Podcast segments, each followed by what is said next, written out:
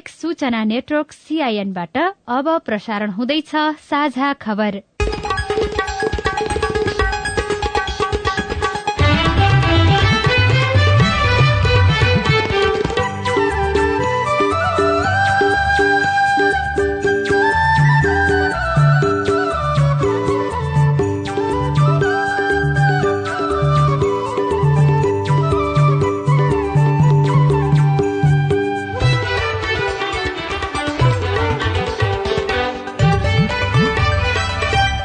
सीआईएनको साझा खबरबाट दीपक आचार्यको नमस्कार।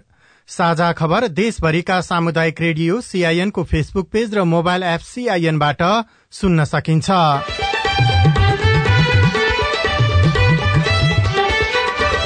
प्रधानमन्त्री र एमाले बीचको छलफल निष्कर्षविहीन दलहरूको अडानका कारण संसदीय समिति गठनमा ढिलाइ।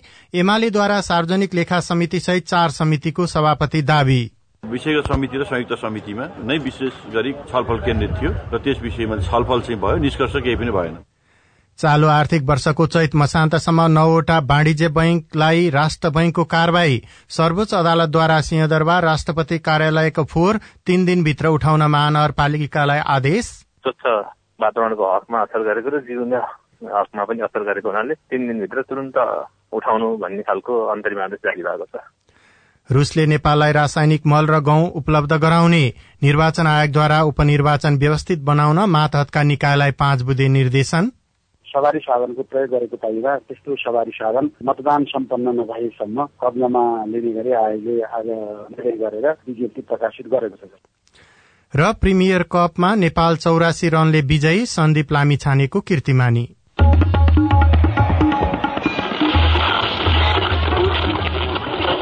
सयौं रेडियो। हजारौं रेडियो कर्मी र करोड़ौं नेपालीको माझमा यो हो सामुदायिक सूचना नेटवर्क सीआईएन उपनिर्वाचनका लागि प्रचार प्रसार गर्न नपाइने अवधि चलिरहेको छ। बोलीचालीको भाषामा मौन अवधि पनि भनेर चिनिने यो अवधिमा सामाजिक सञ्जालमा प्रचार प्रसार गर्ने मतदातालाई प्रलोभन पार्ने भोजभत्तेर गर्ने जस्ता निर्वाचन आचार संहिता विपरीतका घटना हुने गरेका छन्। आचार संहिता उल्लंघन हुन नदिन निर्वाचन आयोगले अनुगमनलाई कड़ाई गर्नुपर्छ भने सचेत नागरिकले पनि पहरेदारी गर्नुपर्दछ। सरकारमा रहेका राजनैतिक दल र प्रमुख प्रतिपक्षी दल नेकपा एमालेको आफ्नै अडानका कारण संसदीय समिति गठनमा ढिलो भएको छ। समितिमा रहने सांसदहरूको नामावली चैत महिनाभित्रै दिन सभामुख देवराज घिमिरेले दलहरूलाई अनुरोध गर्नुभएको थियो। त्यसअनुसार केही साना दलले सांसदको सूची बुझाए पनि नेपाली कांग्रेस नेकपा एमाले नेकपा माओवादी केन्द्र लगायतका ठूला दलले समितिमा रहने सांसदको सूची नबुझाएको संघीय संसद सचिवालयका सहायक प्रवक्ता दशरथ धमलाले बताउनुभयो। समिति गठन लगायतका विषयमा आज पनि प्रधानमन्त्री प्रचण्ड र नेकपा एमालेका अध्यक्ष केपी शर्मा ओलीबीच छलफल भयो। संवैधानिक परिषद गठन संसदीय सुनवाई विशेष समिति लगायतका विषयमा दुई नेताबीच दुई घण्टाभन्दा बढ़ी छलफल भए पनि कुनै सहमति नभएको एमाले प्रमुख सचेतक पदम गिरीले जानकारी दिनुभयो। छलफल चाहिँ सघन ढङ्गले नै भयो तर पनि निष्कर्ष चाहिँ केही भएको छैन। वान टु वान भएको छलफलको विषयमा अहिले धेरै टिप्पणी गर्न उपयुक्त हुन्न। मैले के कुरा राख्नु पनि त्यति गरेको हुँदैन। यति विषयगत समिति र संयुक्त समितिमा नै विशेष गरी छलफल केन्द्रित थियो र त्यस विषयमा छलफल चाहिँ भयो निष्कर्ष केही पनि भएन। उप प्रधान तथा गृहमन्त्री पूर्णबहादुर खड्काले भने नेताहरूबीच सकारात्मक कुराकानी भएको बताउनु यसलाई फेरि सुन्नुहोला। उप प्रधानमन्त्री पूर्णबहादुर खड्काले नेताहरू बीचमा सकारात्मक कुराकानी भएको दावी गर्नुभयो। एक वर्षभन्दा धेरै समयदेखि सर्वोच्च अदालत प्रधान न्यायाधीश विहीन भएको भन्दै आलोचना भएपछि प्रधानमन्त्रीले संवैधानिक परिषदको बैठक केही दिन अघि बोलाउनु भएको थियो। तर एमाले संसदीय सुनवाई समिति गठन गर्नुपर्ने अडान राखेको छ भने लेखा सहितका चारवटा समितिको सभापतिमा दावी छोडेको छैन। निर्वाचन आयोगले यही वैशाख दशमा हुने प्रतिनिधि सभाको उपनिर्वाचन व्यवस्थित बनाउन मातहतका निकायलाई पाँच बुधे निर्देशन दिएको छ। आयोगले चितौन निर्वाचन क्षेत्र नम्बर दुई बारा क्षेत्र नम्बर दुई र तनहु क्षेत्र नम्बर एकको उपनिर्वाचनका लागि नियुक्त वा खटाइएका वा तोकिएका व्यक्तिले निर्देशनको पालना गर्नुपर्ने बताएको छ। उपनिर्वाचनका लागि खटिएका कुनै निजामती प्रदेश स्थानीय तह वा अन्य सरकारी निकायका कर्मचारी सुरक्षाकर्मीलाई कसैले डर धम्की वा प्रलोभन दिएमा वा बल प्रयोग गरी कर्तव्य पालना गर्नबाट विचलित गराए निर्वाचन कसुर मानि तत्काल कार्यवाही गर्न आयोगले भनेको छ।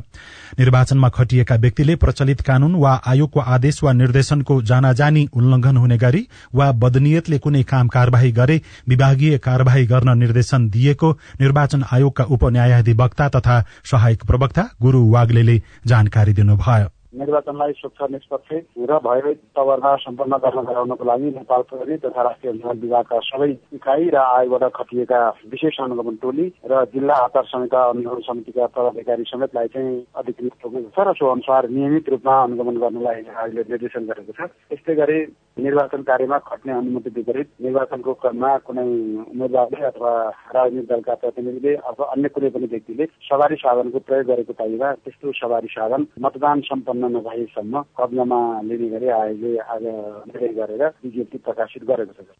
कोविड उन्नाइस लगायत संक्रामक रोगको जोखिमलाई न्यूनीकरण गर्न स्वास्थ्य तथा जनसंख्या मन्त्रालयबाट स्वीकृत स्वास्थ्य सम्बन्धी मापदण्ड कार्यान्वयन गराउने व्यवस्था मिलाउन पनि आयोगले निर्देशन दिएको छ। सर्वोच्च अदालतले सिंहदरबार राष्ट्रपति कार्यालय र प्रधानमन्त्री निवासको फोहोर तीन दिनभित्र उठाउन काठमाडौँ महानगरपालिकालाई अन्तरिम आदेश दिएको छ। संघीय सरकारले आफूहरूलाई असहयोग गरेको भन्दै काठमाडौँ महानगरपालिकाका मेयर बालेन्द्र शाहले गत चौबिस चैतमा तीन महत्वपूर्ण निकायको फोहोर नउठाउन आदेश दिनुभएको थियो। त्यस निर्णय विरूद्ध अधिवक्ता पदम बहादुर श्रेष्ठले दायर गरेको रिट निवेदनमाथि आज सुनवाई गर्दै न्यायाधीश प्रकाशमान सिंह राउतको इजलासले जम्मा भएको फोहोर विसर्जन गर्न आदेश दिएको सर्वोच्च अदालतका प्रवक्ता विमल पौडेलले सीआईएनसँग बताउनुभयो। सिंहदरबार क्षेत्रको बालुवाटार क्षेत्रको र त्यसपछि राष्ट्रपति निवास शीतल निवास क्षेत्रको फोहोर नउठाउने भनेर जुन काठमाडौँ महानगरपालिकाले फोहोर नउठाएको अवस्था थियो त्यसलाई चाहिँ यो वातावरण प्रदूषणले मानव स्वच्छ वातावरणको हकमा असर गरेको र जीवनीय हकमा पनि असर गरेको हुनाले तीन दिनभित्र तुरन्त उठाउनु भन्ने खालको अन्तरिम आदेश जारी भएको छ। सर्वोच्चले फोहोर व्यवस्थापनको काम स्थानीय तहको भएकाले विसर्जन गर्दिन भन्नु उचित नहुने ठहर समेत गरेको छ। आज बसेको अन्तर सरकारी वित्त परिषदको बैठकले तीनवटै तहका सरकारले दोहोरो नहुने गरी आयोजना सञ्चालन गर्ने निर्णय गरेको छ। अर्थमन्त्री अध्यक्ष रहने परिषदमा प्रदेश सरकारका अर्थमन्त्री र आर्थिक मामिला तथा योजना मन्त्री प्राकृतिक स्रोत तथा वित्त आयोगका अध्यक्ष राष्ट्रिय योजना आयोगका उपाध्यक्ष र मुख्यमन्त्रीहरू सदस्य रहने व्यवस्था छ। कर संकलनलाई प्रणालीलाई थप सुदृढ गर्ने करमा देखिएको दोहोरोपनलाई स्पष्ट गर्ने निर्णय समेत बैठकले गरेको छ। प्राकृतिक स्रोत तथा वित्त आयोगका अध्यक्ष बालानन्द पौडेलका अनुसार वित्तीय संहिताका आधारमा कानून निर्माणमा समेत जोड़ दिइएको छ। कोरोना भाइरसको संक्रमणबाट नेपालमा थप एकजनाको मृत्यु भएको छ। पछिल्लो चौविस घण्टाको तथ्याङ्क सार्वजनिक गर्दै स्वास्थ्य तथा जनसंख्या मन्त्रालयले कोरोनाका कारण एकजनाको मृत्यु भएको जानकारी दिएको हो। यससँगै हालसम्म कोरोनाबाट मृत्यु हुनेको संख्या बाह्र हजार छब्बीस पुगेको छ। त्यस्तै पछिल्लो चौविस घण्टामा एक सय पाँचजना संक्रमित थपिएको पनि स्वास्थ्य मन्त्रालयले जानकारी दिएको छ। चालू आर्थिक वर्षको चैत मसान्तसम्ममा नौवटा वाणिज्य ब्याङ्कहरूलाई राष्ट्र ब्याङ्कले कार्यवाही गरेको छ। श्राउनमा कर्जा निक्षेप अनुपात कायम नगरेकाले नेपाल ब्याङ्क लिमिटेडलाई अठार लाख उनासाठी हजार रूपियाँ जरिवाना गरिएको छ। नबिल ब्याङ्कलाई छ करोड़ छयालिस लाख ग्लोबल आइएमई ब्याङ्कलाई चार करोड़ बयालिस लाख रूपियाँ जरिवाना गरिएको छ। कृषि विकास ब्याङ्कलाई उनसत्तरी लाख अन्ठाउन्न हजार रूपियाँ हिमालयन ब्याङ्कलाई एकहत्तर लाख बहत्तर हजार रूपियाँ र सेन्चुरी ब्याङ्कलाई दुई करोड़ चौरासी लाख रूपियाँ जरिवाना गरिएको राष्ट्र ब्याङ्कले जानकारी दिएको छ। तत्कालीन एनसीसी र कुमारी ब्याङ्कलाई भने सचेत गराइएको छ। चालू आर्थिक वर्षको नौ महिनामा दुई हजार चार सय एकाउन्न विद्युतीय सवारी साधन आयात भएको भन्सार विभागको तथ्याङ्कले देखाएको छ। गत वर्षको यही अवधिमा एक हजार चार सय त्रिहत्तरवटा सवारी साधन आयात भएको थियो। गत आर्थिक वर्षको तुलनामा विद्युतीय सवारी साधनको आयात छैसठी दशमलव तीन प्रतिशतले बढ़ेको पाइएको छ। अब खेल खबर एसएसी पुरूष प्रिमियर कप क्रिकेटमा नेपालले आज ओमानलाई चौरासी रनले हराएको छ। तीन सय एघार रनको लक्ष्य पछ्याएको ओमानलाई छयालिस ओभर तीन बलमा दुई सय छब्बीस रनमा रोक्दै नेपालले प्रतियोगितामा दोस्रो जीत हात पारेको हो। नेपालका सन्दीप लामिछानेले र करण केसीले तीन तीन विकेट लिनुभयो। किर्तिपुरमा टस हारेर पहिले ब्याटिङ गरेको नेपालले खराब शुरूआत गर्दै दुवै ओपनर शून्यमै आउट भए पनि कुशल मल्लको आक्रामक र शतक र सोमपाल कामीको अर्धशतक मदतमा आठ विकेट गुमाएर तीन सय दस रन बनाएको थियो। कुशलले चौसठी बलमा नौ चौका र दश छक्का प्रहार गर्नुभयो। जितसँगै नेपालको सेमी फाइनल पुग्ने सम्भावना बलियो भएको छ। आजको खेलबाट सन्दीप लामिछानेले एक दिवसीय क्रिकेटमा सबैभन्दा छिटो एक सय विकेट लिने विश्व कीर्तिमान बनाउनु भएको छ। यसअघि अफगानिस्तानका राशिद खानले चौवालिस खेलमा एक सय विकेट लिएकोमा सन्दीपले बयालिस खेलमा एक सय दुई विकेट लिनुभएको हो। सैतिस स्मारक डिभिजन लीग फुटबलमा आज थ्री स्टार र चर्च बोइज युनाइटेड विजयी भएका छन्। थ्री स्टारले हिमालयन शेर्पालाई एक शून्यले पराजित गर्दै तालिकाको दोस्रो स्थानमा उक्लन सफल भएको छ। अर्को खेलमा चर्च बोइज युनाइटेडले सातो बाटो युथ क्लबलाई दुई एकले हराएको छ। आइपीएल क्रिकेटमा आज चेन्नई र Super Kings Chennai Super Kings र सनराइजर्स हैदराबाद खेल्दैछन्। केही बेरमा शुरू हुने खेलमा हैदराबाद पहिले ब्याटिङ गर्दैछ। चेन्नई अंक तालिकाको तेस्रो र हैदराबाद नौ स्थानमा रहेको छ। लील प्रकाश चन्द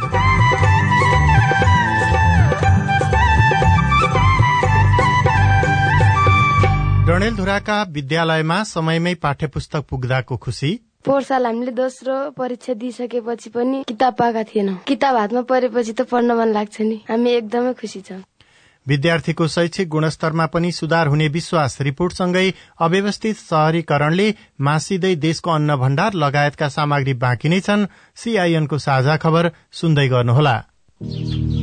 ल कान्छा यतिका दिन जे भयो भयो। अब दाई दिदी बहिनीहरूसँग रिस नराखेस् है। कान्छा दाईले मात्र होइन क्या आमा? मेलमिलाप भइसकेपछि अब कसैले मन अमिलो बनाउनु भएन। तपाईँहरूले नै रोजेका मेलमिलापकर्ता राखेर जग्गाको साँच सिमाना बारेको नौ वर्षदेखिको विवादमा मेलमिलाप भयो। योभन्दा खुसीको कुरा हामी मेलमिलापकर्ताको लागि के हुन्छ र? मेलमिलापकर्ता बाबु हामी दुई भाइ बीचको झगडालाई यति सजिलै चाँडै मिलाइदिनु भएकोमा तपाईँलाई मुरी मुरी धन्यवाद छ।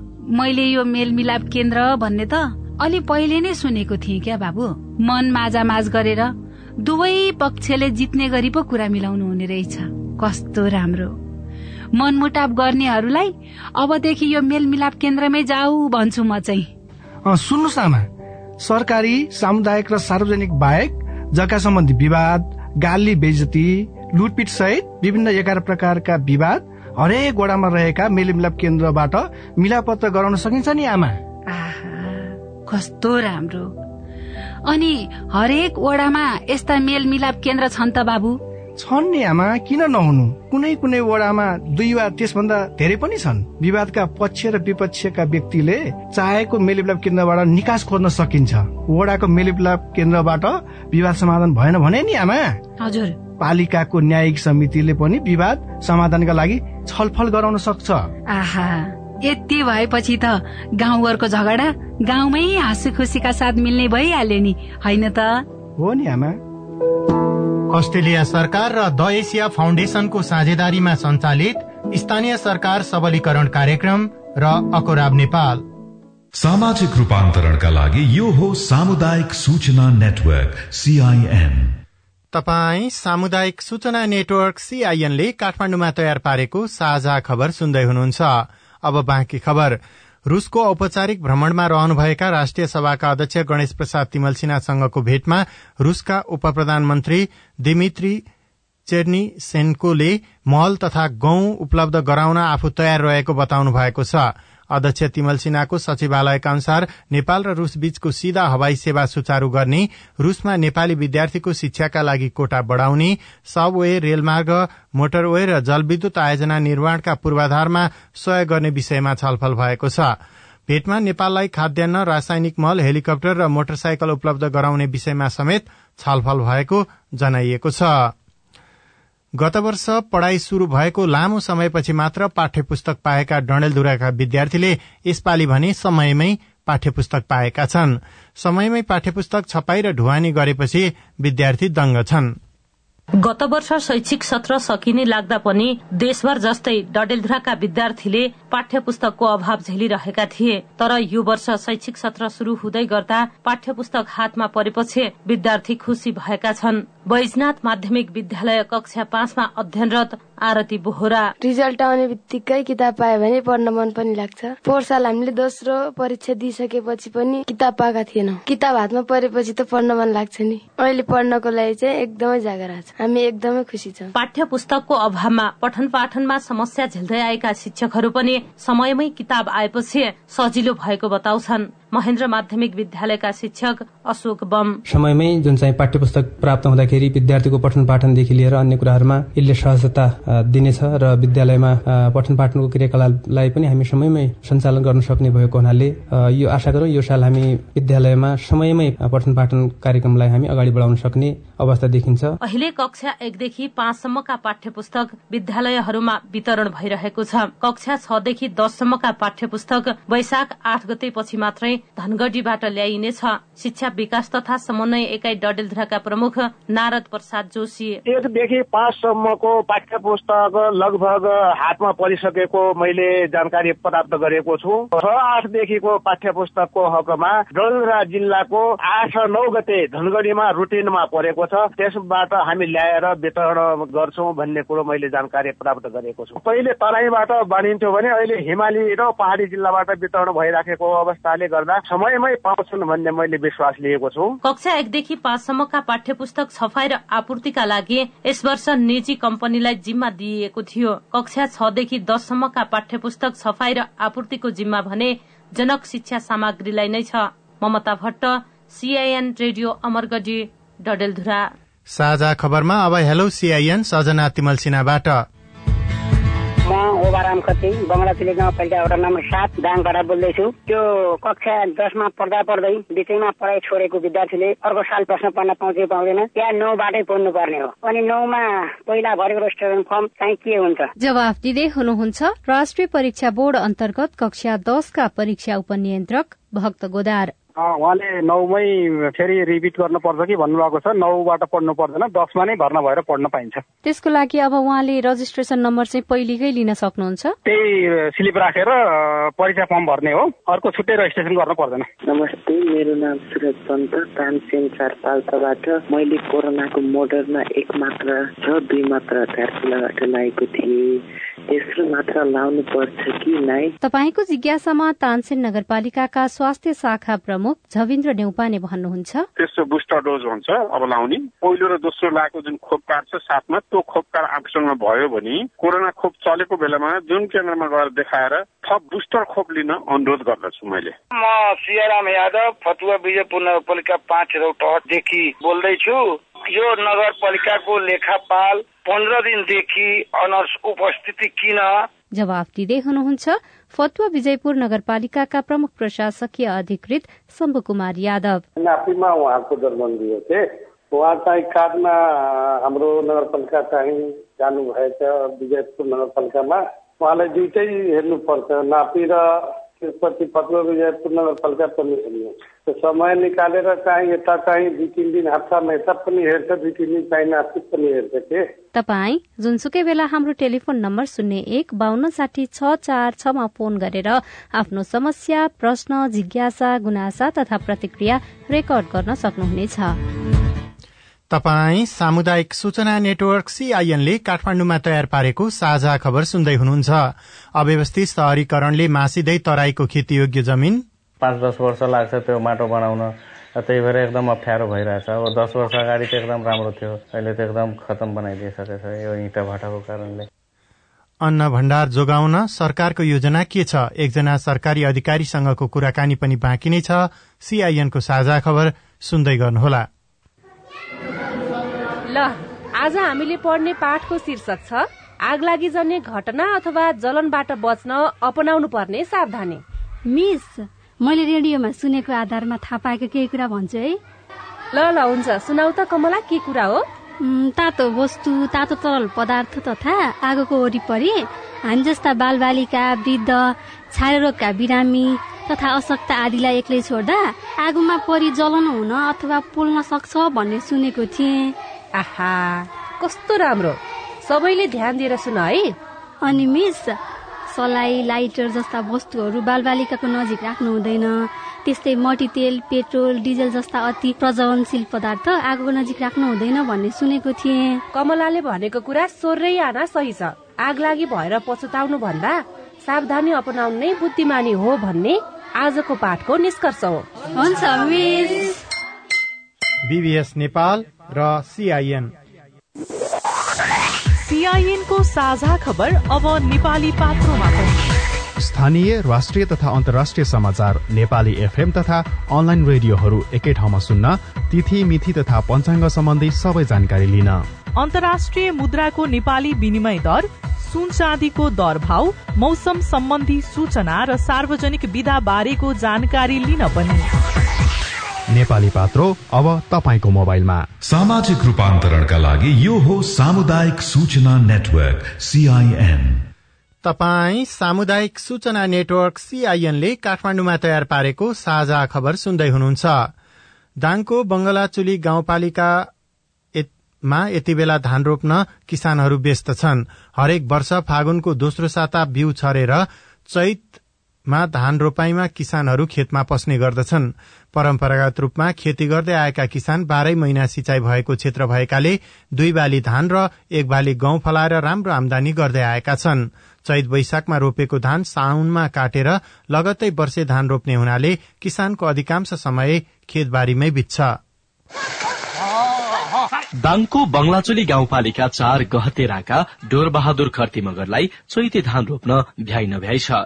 गर्मी मौसमका कारण अन्य स्थानमा खडेरी परेको समयमा उहाँको परिवारलाई करिब चौध कट्ठा खेतमा चैते धान रोपेर सक्न हतारो छ। सुका खोलाको पानीले सिन्चित भएका कारण सजिलो भएको डोरबहादुर बताउनुहुन्छ। बाँझो मार्न परेन त्यहीमा पानी भिजाएर जोतो एकसितै त्यहाँ आली लगाउने खोक लगाउने रोप फलदारी तपाईँको हिउँदाको जस्तो भन्दा यो फल हुन्छ धेरै तर पुरा स्याहार्नु पर्दैन किनभने माथि वर्ष पानी परिरहेको हुन्छ। पहाड़ी क्षेत्रमा एक बाली मात्रै खेतीले परिवारलाई खानासँगै घर व्यवहार चलाउन समस्या हुने भएपछि किसानहरू चैते धानतर्फ आकर्षित भएका हुन्।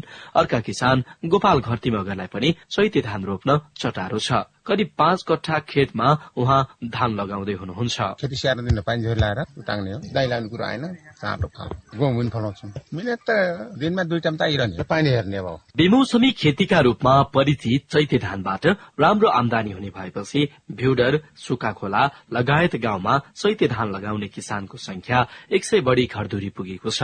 अर्का स्थानीय हेमकला खर्ती बिउ राख्छौँ क्या चोटमा रोप्छौँ बैशाख लगाइदियो र अनि फेरि साउनमा काट्छौँ धान।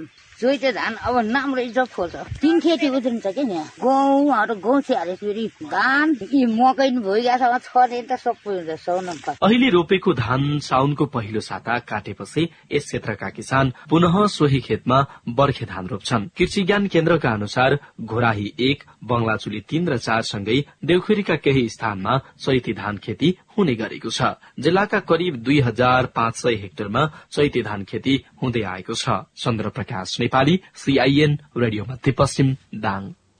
नेपालले दुई हजार चालिस सालसम्म धान लगायतका अन्न विदेश पठाउने गर्थ्यो। तराईको उर्वर जमीनले देशलाई खाद्यान्नमा आत्मनिर्भर मात्र बनाएको थिएन। खाद्यान्न निर्यातकर्ता देशको सूचीमा विश्वकै पाँचौं स्थानमा नेपाललाई उभ्याएको थियो। तर धान उत्पादन झनझन बढ़दै जानुको साटो घट्दै जाँदा अहिले नेपाल चामल निर्यात गर्नुपर्ने अवस्थामा छ। खेमराज घिमिरे दुई हजार बत्तीस सालमा पाल्पाबाट बर्दिया बसाई सर्नुभयो। कारण थियो लोभलाग्दो खेतीपाती। तर खेमराजको आँखै अघि सुनौला धानका बाला झुल्ने खेतका फाँटमा धुवा फाल्ने इट्टा उद्योग छडिए दशक अघि पचहत्तर हजार हेक्टर रहेको बर्दियाको खेती योग्य फाँट अहिले घटेर त्रिहत्तर हजारमा सीमित भएको छ। यो क्रम रोकिएको छैन। पहिले पहिले अलिकति सबै जहाँ जे जति खेतीहरू हुन्थे त्यो चाहिँ अब अहिले आएर सबै मान्छे विदेश क्रम बढ्यो खेतीको क्रम घट्यो। कोही जग्गा किटा बटातिर गयो भने कोही मान्छेहरू चाहिँ त्यही अब वृक्षारोपणतिर गए कोही चाहिँ हिजोभन्दा आज आजभन्दा भोलि यसको दयनीय अवस्थामा गइरहेको छ त्यो। बीस वर्षमा रौतहटमा खुलेका एक सय पचास भन्दा बढ़ी इटा उद्योगले दुई सय पच्चीस बिगाह खेत मासेका छन्। उर्वर भूमिमा ठड्याइएका उद्योगले सिधै अन्न उत्पादनमा असर गरिरहेको बालचनपुरका किसान राम विनोद चौधरी बताउनुहुन्छ। पहिलाको हामीहरूको त्यो सुरुको माटो हुन्छ त्यो मल खादबाट त्यो सबै काटेर त्यो इँटै बनाउनुहुन्छ अनि साइडको पनि त्यो पानीहरू त्यो चुसेर अब त्यो धान गहुँहरू त्यो उब्जनी गर्न एकदम अप्ठ्यारो भइरहेछ। पाँच दस वर्ष लाग्छ त्यो माटो बनाउन। त्यही भएर एकदम अप्ठ्यारो भइरहेछ। अब दस वर्ष अगाडि चाहिँ एकदम राम्रो थियो। पाँच वर्ष अगाडि राम्रो थियो। अहिले एकदम खतम बनाइदिइसकेछ तराई क्षेत्रमा नेपालको कुल खेतीयोग्य जमिनको पचपन्न प्रतिशत क्षेत्रफल पर्छ तर वर्षेनी खेतीयोग्य जमिन घटिरहेको छ। यसको अर्को कारण हो बढ्दो शहरीकरण मनज्ञ खेतीपाती हुने नेपालगंजको भुजै गाउँ र सूर्जी गाउँ पछिल्लो पाँच वर्षमै शहर बने। दश वर्षमा झापाको तीस प्रतिशत खेतीयोग्य जमिनमा धान होइन घर र बजार उम्रिएको छ।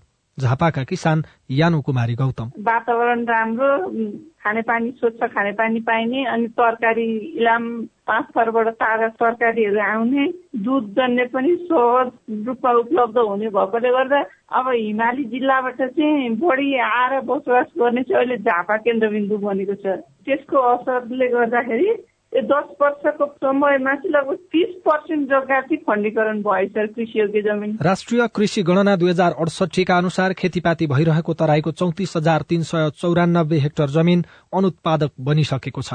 दुई हजार अठहत्तर सालको कृषि गणनाको नतिजा अझै आइ नसके पनि खेतीयोग्य जमिन थप घटेको तथ्याङ्क कार्यालय बताउँछ। खोला र नदी प्रदूषण हुँदा पनि उत्पादन घटेको बाराका किसान गणेश राज रिजालको अनुभव छ। वास्तविक किसानहरूलाई चाहिँ सिंचाइको त्यसपछि मल खादको त्यसपछि बिउको सबै कुराहरू चाहिँ सुविधा गरिदिने हो भने यहाँका किसानहरू खुसी पनि हुन्थे। व्यापार तथा निकासी प्रवर्धन केन्द्रका अनुसार दुई हजार सत्र सालताका भारतबाट चार करोड़ त्रिहत्तर लाख रूपियाँको वस्तु आयात हुँदा सत्र करोड़ रूपियाँको खाद्यान्न निर्यात भएको थियो।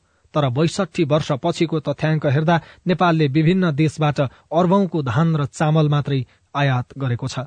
यसको मुख्य कारण खेतीयोग्य जमिन मासिनु नै रहेको विज्ञहरू बताउँछन्।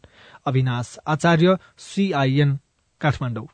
अन्न बालीको निर्यात घटेर आयात बढ़नुमा धेरै पक्षहरू जिम्मेवार भएको कृषि विभागको भनाइ छ।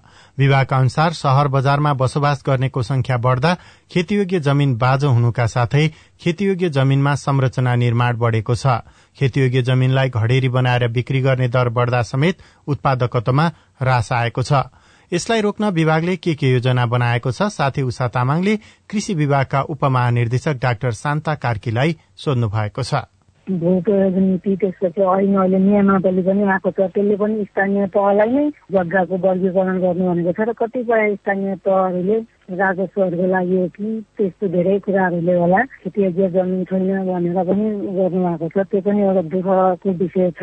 अहिले जेमा पनि अब पैसा चाहिने अलिक छिटो छिटो आमदानी गर्ने खालको ऊहरू पनि महँगो भइरहेको छ होइन? विकल्पहरू पनि ल्याउनु पर्ने छ। खेतीपातीको लागि चाहिँ यसरी भइरहेको जग्गालाई खण्डीकरण गर्न नपाउने त्यहाँ सानो प्लटहरू बनाएर घरेको बेच्न नपाउने त्यस्ता खालको नीति नियमहरू हाम्रोलाई चाहिँ अलिक कडाइका साथ प्रत्येक स्थानीय तह प्रदेश संघीय सरकार सबैले आफ्नो आफ्नो क्षेत्रको कार्य विचार के छ त्यो अनुसार कार्यान्वयनमा अलि सशक्त रूपमा गइयो भने चाहिँ सुधार गर्दै लानुपर्ने चाहिँ छ काठमाडौँकै केही पालिकाहरूले चाहिँ गैर कृषि क्षेत्र भनेर छुट्याउँदाखेरि बिक्री वितरण गर्न पाइने कृषि क्षेत्र भनेर छुट्याउँदाखेरि चाहिँ भोलि बिक्री वितरणमा पनि समस्या हुने जस्तो बुझेर चाहिँ धेरै भन्दा धेरै जमिनहरूलाई गैर कृषि भनेर वर्गीकरण गरेको भनेर पनि केही तथ्यहरू सार्वजनिक भएका थिए। यस्तो विषयमा चाहिँ कृषि मन्त्रालय वा विभागको ध्यानकर्षण भएको छ कि छैन? ध्यानकर्षण भएको छ। हामीले पनि अब जस्तै कार्यक्रमै बनाउन पनि यदि कसैले त्यहाँ कृषि क्षेत्रै छैन छैन भनेर घोषणा गर्नुभयो भने त त्यहाँ कसरी हामीले अहिले पनि सङ्घबाट सशर्त बजेटहरू पठाइन्छ पालिकाहरूमा? विशेष गरेर त्यो जस्तै कुनै राष्ट्रिय महत्वको खाद्यान्न बालीहरूको लागि अनि कुनै निर्यात वस्तुहरूको लागि हामीले सशर्त बजेटहरू पठाउने गरिरहेका छौँ र वर्षै पछि पठाइन्छ। र अहिले पनि अब यो वर्ष पनि गर्ने क्रममा हामीलाई एउटा त्यो ध्यान आकर्षण पनि भएको छ। यदि कसैले त्यहाँ कुनै पालिकाहरूले स्थानीय तहले त्यहाँ कृषि योग्य जमिनै छैन भनेर घोषणा गर्नु भने त्यस्तोमा हामीले कसरी बजेट पठाउने भन्ने पनि छ। सबै ठाउँको वर्गीकरण त सिद्धिएको छैन। त्यही भएर हामीले जहाँ कृषि योग्य जमिन छ छुट्याउनु पर्ने छ त्यसलाई राम्रोसँग वर्गीकरण गरेर यथार्थमै गर्ने खालको कुराहरू त हामीले सुझाव पनि दिइरहेका छौँ र कुनै कुनै पालिकाले चाहिँ त्यो अनुसारै गर्नु भएको छ बाँझो जग्गामा खेतीपाती बढाउने र खेतीपाती हुने जग्गामा चाहिँ थप कंक्रिट लगायतका संरचनाहरू कम भन्दा कम निर्माण होस् भन्नको लागि मन्त्रालय वा विभागको योजना के छ के काम गरिरहनु भएको छ तपाईँहरूले? कृषि मन्त्रालयमा एउटा सरस्वतीजीको समयपत्रमा एउटा कार्यदल नै बनेको छ। यो के के कार्यक्रमहरू अगाडि बढाउन चाहिँ हामीले बाँझो जग्गाको सदुपयोग गर्नु गर्न सकिन्छ र त्यसमा खेतीयोग्य जमिनको सही सदुपयोग गर्न सकिन्छ भनेर त्यो कमिटी काम गरिरहेको छ। अब उहाँहरूको त्यसमा के के सुझाव आउँछ त्यस्तै गरेर हाम्रो यो आगामी वर्षको प्लानिङको लागि पनि खण्डीकरणले रोक्ने चक्ला बन्ने खालका खेतीलाई प्रोत्साहन गर्ने र बाँझो जग्गामा चाहिँ कस्तो कार्यक्रम ल्यायो भने किसानहरू लाभान्वित हुनुहुन्छ भनेर यसको लागि फलफुल सम्बन्धी हुन्छ कि तरकारीहरू सम्बन्धी हुन्छ कि अथवा केही नगदे बाली गर्न सकिन्छ कि भनेर हाम्रो विभाग अन्तर्गतका केन्द्रहरूले पनि आगामी कार्यक्रम तर्जुमा गर्दा चाहिँ त्यसलाई पनि विशेष ध्यान दिनु होला भनेर उहाँहरूले पनि रिक्वेस्ट गर्छौँ प्रधानमन्त्री पुष्पकमल दहाल प्रचण्ड र एमालेका अध्यक्ष केपी शर्मा ओली बीचको छलफल निष्कर्षविहीन भएको छ। दलहरूको आफ्नै अडानका कारण संसदीय समिति गठनमा ढिलाइ भएको छ। सर्वोच्च अदालतले सिंहदरबार राष्ट्रपति र प्रधानमन्त्री कार्यालयको फोहोर तीन दिनभित्र उठाउन काठमाडौँ महानगरपालिकालाई आदेश दिएको छ। निर्वाचन आयोगले उपनिर्वाचन व्यवस्थित गराउन मातहतका निकायलाई निर्देशन दिएको छ र प्रिमियर कपमा नेपाल चौरासी रनले विजयी भएको छ। अवस्था आजलाई साझा खबरको समय सकियो। प्राविधिक साथी सुभाष पन्तलाई धन्यवाद। भोलि वैशाख नौ गते बिहान छ बजेको साझा खबरमा फेरि भेटौँला। अहिलेलाई दीपक आचार्य पनि विदा हुन्छु। नमस्कार शुभरात्री।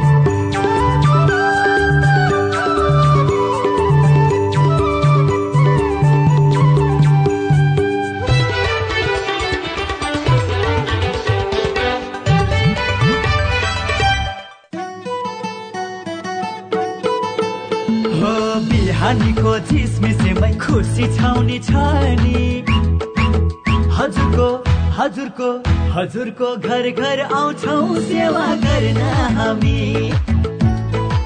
हाम्रो एक दशक भन्दा बढीको सम्बन्ध कहाँ खेर जान दिन्छौ र?